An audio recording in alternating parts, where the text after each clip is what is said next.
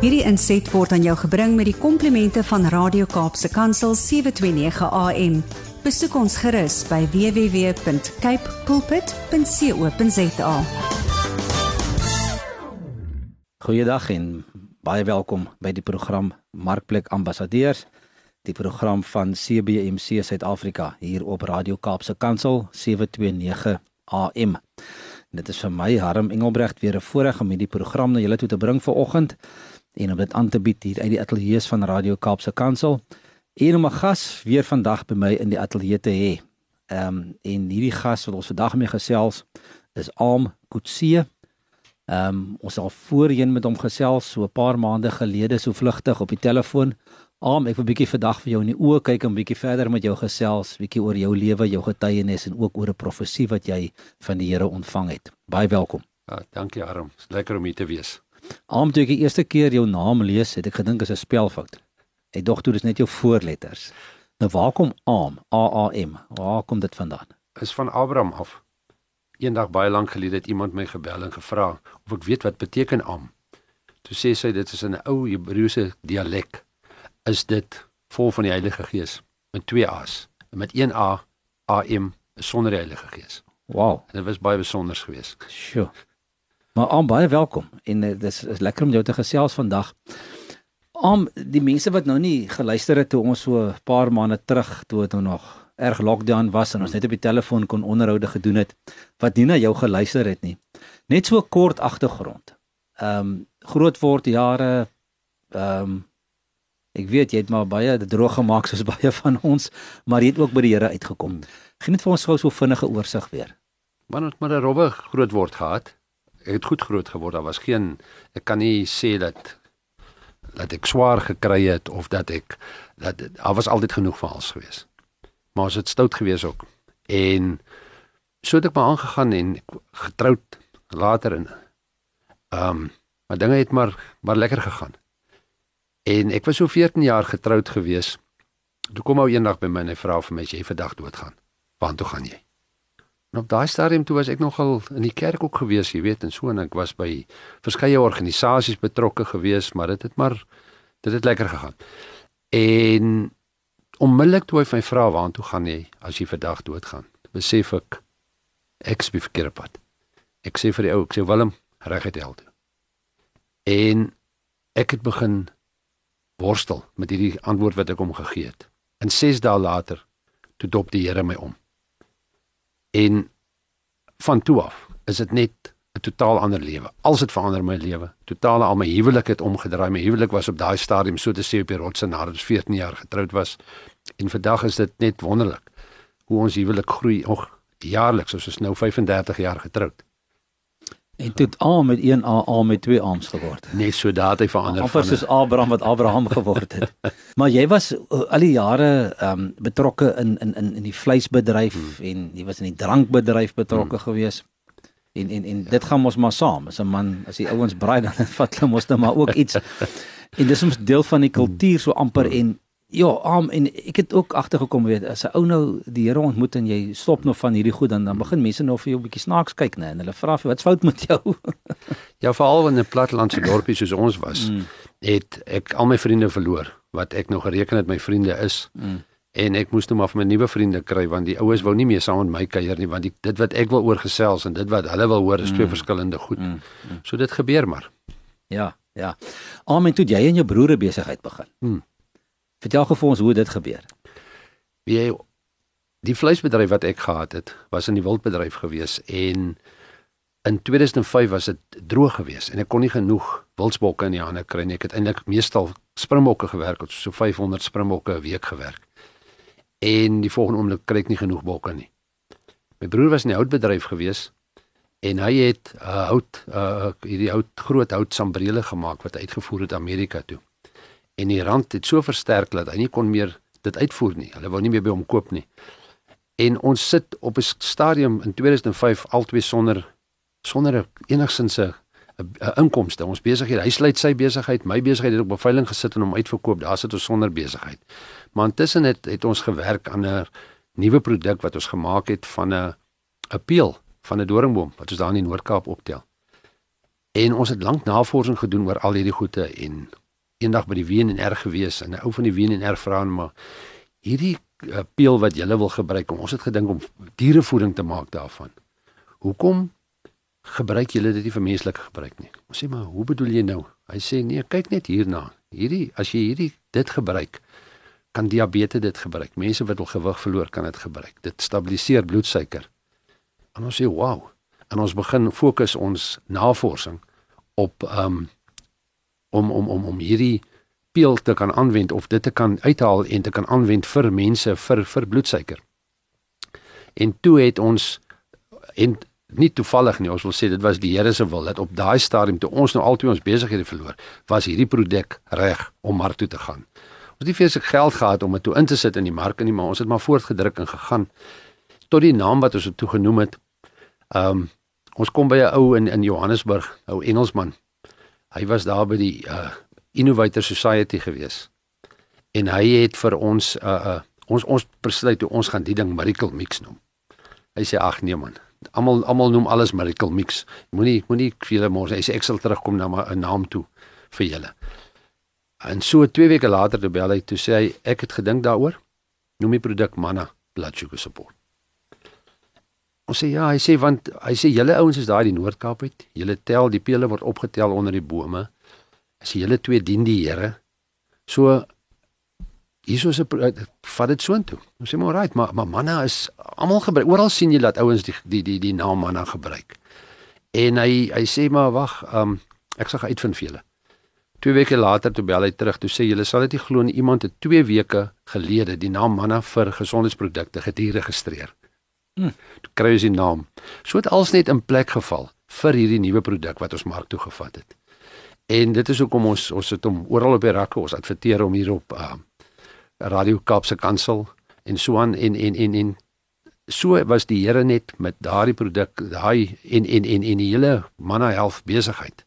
Is die Here nog altyd betrokke by ons. Ons moenie dink ons gaan weghardloop met hom nie. Hy bring ons altyd weer terug. Keer ons altyd weer op die regte pad. Aam toe jy nou besigheid gedoen het voor jy die Here gedien het. Uh toe jy nou daai wildsverwerking gedoen het en die drankwinkel gehad het. Uh, net miskien so twee of drie uh, um verskille tussen hoe jy toe besigheid gedoen het en hoe jy nou besigheid doen. Wel die drankbedryf was was ou regtig BC days gewees. Dit was voor Christus gewees. En vandag wil ek het ek niks te doen. Ek drink nie eers meer 'n druppel nie want ek kan net nie meer sien hoe mens ander mense se lewens verwoes met drank nie en ek was 'n instrument daarvan gewees. Ek het gesien hoe mense hulle eie lewens verwoes met die produk wat ek aan hulle verskaf het. So ek is vandag baie gekant teen die drankbedryf. So dit is een van die goed wat ek gehad het in in my dae. Die wildbedryf was ek besig mee toe ek tot bekering kom. Ek het in 2000 begin met die wildbedryf. Ek het in 2001 by die Here uitgekom.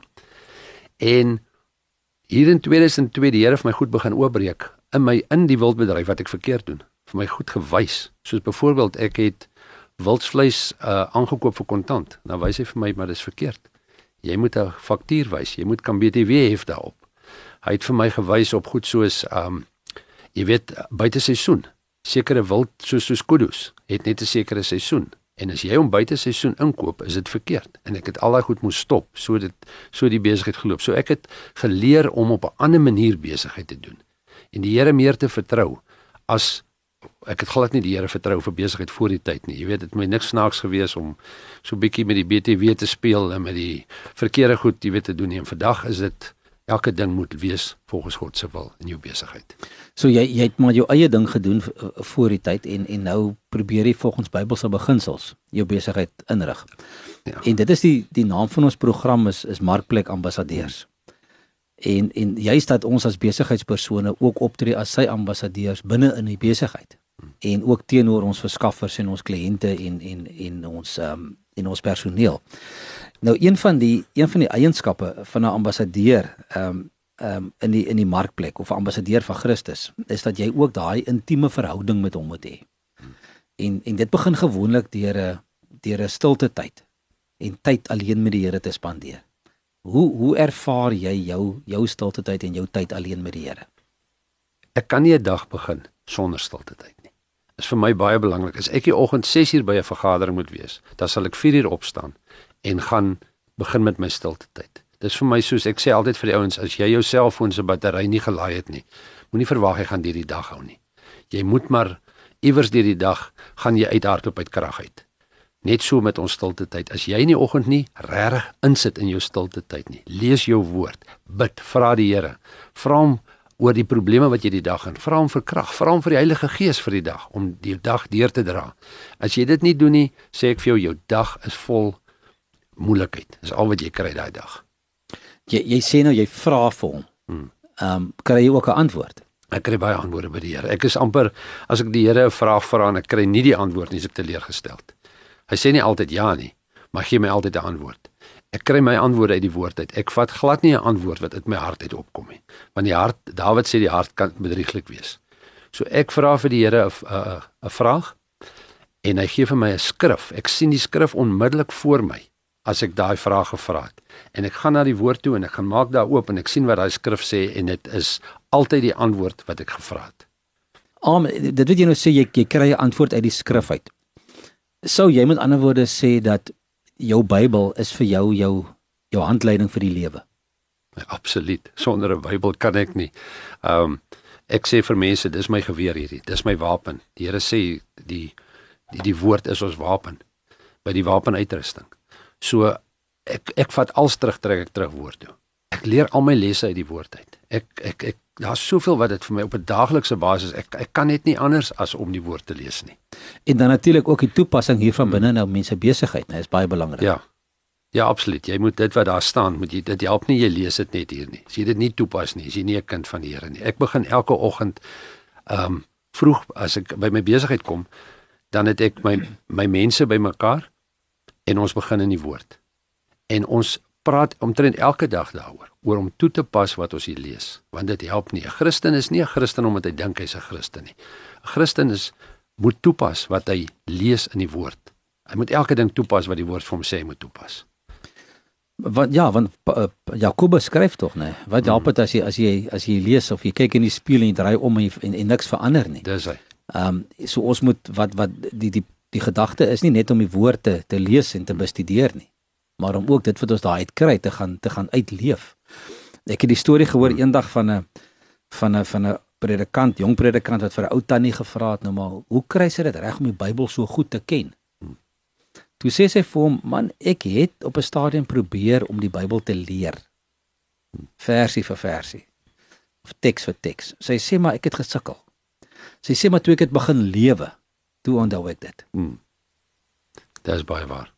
En ek dink die die belangrikheid daarvan almal en, en ons moet miskien maar vir mekaar weer net sê vandag dat, dat dat as jy as Christen sakeman in besigheid staan en en jy wil graag optree as as Christus se ambassadeur, het jy geen ander riglyn behalwe dit wat in die woord van God staan nie. Dit moet absoluut jou jou handleiding vir jou besigheid wees. Ek ek weet hoe Angus het op die voorkant van sy Bybel met 'n met wit tipex geskryf, my agricultural manual. En en ek wil tog so graag sien dat dat dat dat besigheidsouens ook skryf voor op sy Bybel. Dit is my besigheidsmanual. Maar ook dit is my my lewens ehm um, manual. Ek het die laaste uh jaar of 2 baie terug verwys in ons program na na Spreuke 3. En ek wil dit gou graag met jou deel aan en ek wil gou bietjie met jou gesels oor dit. Hoe jou gedagte rondom Spreuke 3 vers 5 tot 7. Waar daar staan vertrou volkome op die Here en moenie op jou eie insigte staat maak nie. Ken hom in alles wat jy doen en hy sal jou die regte pad laat loop. Moenie dink jy het die wysheid in pag nie. Dien die Here en vermy wat sleg is. Dit is die geneesmiddel vir jou, die verkoking vir jou liggaam. Vereer die Here met jou offerandes uit alles wat jy besit en met die beste uit jou oes. Dan sal jou skure oorvol wees en jou parskype sal oorloop. Aan wat sê dit vir jou? Wie arm as jy dit nie doen nie. Dan vra jy die Here om in, in baie mense bid nadat hulle 'n ding aangepak het. So hulle voeg, hulle vra dan die Here kom voeg u by my. So kom maak u uh kom maak my planne reg. Mm, mm, mm. Iemand het dit nou so koslik gestel eendag. Hy sê as jy as jy wil die Here laat hy so 'n bietjie lag, vertel hom jou planne. Mm. Jou eie planne. Want dis nie sy planne nie. Vra vir hom wat is sy plan? Gaan sit by die Here en lê jou planne voor hom en wag vir 'n antwoord. Moenie maar sommer net inklim en doen en verwag dit sal als werk omdat jy nou 'n Christen is nie. Is is een van die geheime van van ek wil nou nie sê 'n suksesvolle Christen nie, maar kom ons sê een van die geheime van 'n van 'n gelukkige Christenlewe is om is om vir die Here te wag en vir hom te luister en te hoor wat hy wil hê jy moet doen en nie jou eie plan neer te sit nie. Absoluut, dit is so lekker as dit gebeur want dan dan weet jy dis die regte ding wat gaan gebeur. En is in sy wil. Net so. Am ons het nou nog so 'n paar minute oor en ek wil ek wil nie nou begin praat oor die profesie wat wat jy gekry het nie. Ek dink ons moet dit hou vir volgende week. Ek wil net 'n bietjie verder stil staan op op die belangrikheid uh, van die woord en om by die Here te te gaan sit en te luister en te wag vir 'n antwoord. Ek het so 'n tydjie terug gesels met 'n ou wat 'n groot transaksie gedoen het wat so bietjie gebackfire het en die ou het 'n hele paar miljoen rand verloor uit die uit die uit die deel uit. En toe ek vir hom vra of hy gebid het daaroor, toe sê hy vir my, maar natuurlik het hy gebid. En toe ek hom vra nou, wat was die antwoord? Toe kyk die man my vreeslik snaaks aan. Nou ek wil nou gou jou reaksie op dit hoor. Ehm um, baie keer dan dan bid ons vir die Here en ons sê vir hom eintlik maar wat ons wil doen of ons sê vir hom seën dit wat ek wil doen. Hmm. En ek het eintlik klaar my mind opgemaak of klaar my besluit geneem. Hoekom is dit so dat besigheidsmense en Christene so sukkel om om dit wat hulle aan die Here opgedra het um, om te wag vir hy antwoord? Is dit omdat ons maar net in 'n haastige wêreld leef? Um, is dit omdat ons gedruk word vir vinnige besluite? Hoe hoe hoe doen jy dit anderster? Dat dat jy dat jy tyd het om te wag vir die antwoord of kom die antwoord sommer vinnig? Nee, die tyd dit dit, dit kom nie altyd onmiddellik nie. Jy kry nie maar net 'n antwoord as jy gevra het nie. Partykeer moet jy bietjie wag. Die Here wil hê ons moet partykeer wag. Want as ons als net so onmiddellik gekry het, dan is soos die res van die wêreld als gebeur blitsig. En die Here wil partykeer toets hy my ook. Is ek tevrede met waar ek nou is?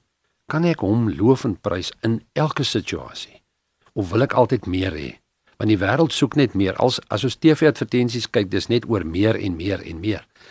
So ons moet moet besef dat hy wil vir ons eers op hierdie stadium wil hy is ons is ons gelukkig waar ons staan. Is ons tevrede? Hy het eendag vir my in, in my stilte tyd gesê as jy nie tevrede is met wat jy nou het nie, gaan jy nooit meer hê nie.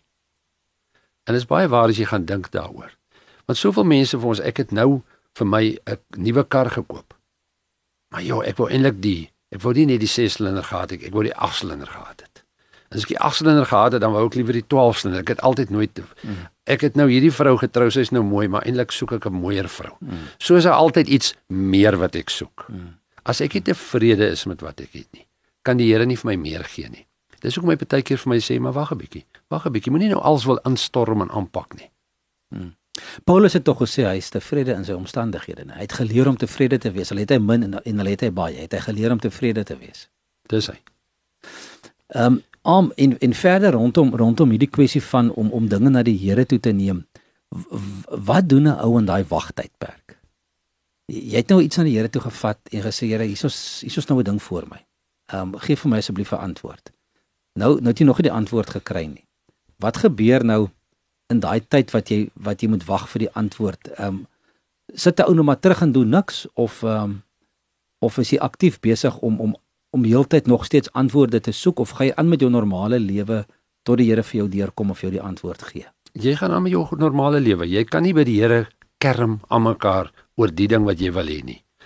Ons kyk na die na die na die volk toe hulle deur die deur die woestyn getrek het. Toe hulle gekom het, en hulle het gevra vir water, was dit genoeg? Maar toe kerm hulle water, toe moan hulle oor water. Toe hmm. sê hulle maar ons moes liewer maar gebly het in Egipte, ons moes nie deurgekom het nie. En die Here het verleenlik baie kwaad geraak daaroor. Want hulle wou nie hulle was nie tevrede met waar hulle was nie. As hulle tevrede was, het hy heel moontlik vir hulle gouer water gegee. Hmm. Maar hulle het begin moan en so ons as mens, ons kan nie stil sit en 'n bietjie wag nie. Ons wil al ewig moan en kerm by hom. Ons wil dit nou hê. Doen dit nou. En die Here het al totale ander plan vir ons wat moet deurkom. Daar's soveel verhale wat ek kan vertel rondom dit. Ek het een gehad van 'n vriend van my wat in die droogte was en vir 5 jaar niks gereën het nie. En hy het nie hy het later nie geweet wat om te doen nie. En hy het gekyk na hoe die skape vrek op die plaas en so aan. En wat doen die boere? Hulle bid vir reën, bid vir reën, bid vir reën, maar dit kom reën nie. En ek gaan hom toe en ek en ek begin praat met hom oor die saak en ek sê vir hom, "Willem, wat het uh, Die Bybel sê vir ons, die woord sê vir ons uh, Matteus 6:33, soek jy die koninkryk en sy geregtigheid. En hy sê, "Wow, ek het my oog van die Here afgehaal. Ek kyk na die droogte, ek kyk nie na die Here nie. Ek soek nie die mm. koninkryk nie." Mm. En weet jy, hy het sy sy het net net onmiddellik bely en het weer die koninkryk begin soek. En als op sy plaas verander, het nog steeds nie reën gekry nie. Maar skielik toe stuur iemand vir hom 'n 'n 'n interlink vol lucern, 1000 bale. Aanhou bring vir hom 5 ton mielies. 'n Aanhou stuur vir hom 5 ton lek. So stuur die mense net, hulle het voorsien. Het nog steeds nie reën gehad nie. 6 maande later toe sê hy vir my, "Dit hoef nie te reën nie. Hy boer nou lekkerder as wat hy voorheen geboer het." Die Here se planne is nie ons planne nie. Mm, mm. En het geleer om tevrede te wees in sy omstandighede. In daai in daai droogte het hy tevrede geraak. Aan baie dankie vir die gesels. Ons tyd het alweer uitgehardloop. Ehm um, maar ek wil graag hê ons moet volgende week verder praat en ek wil spesifiek uitkom by daai profesie wat jy van die Here af ontvang het. En ek wil die luisteraars uitnooi om asseblief volgende week weer in te skakel op ons program. Ons groet julle tot dan. Totsiens. Hierdie inset was aan jou gebring met die komplimente van Radio Kaapse Kansel 729 AM. Besoek ons gerus by www.cape pulpit.co.za.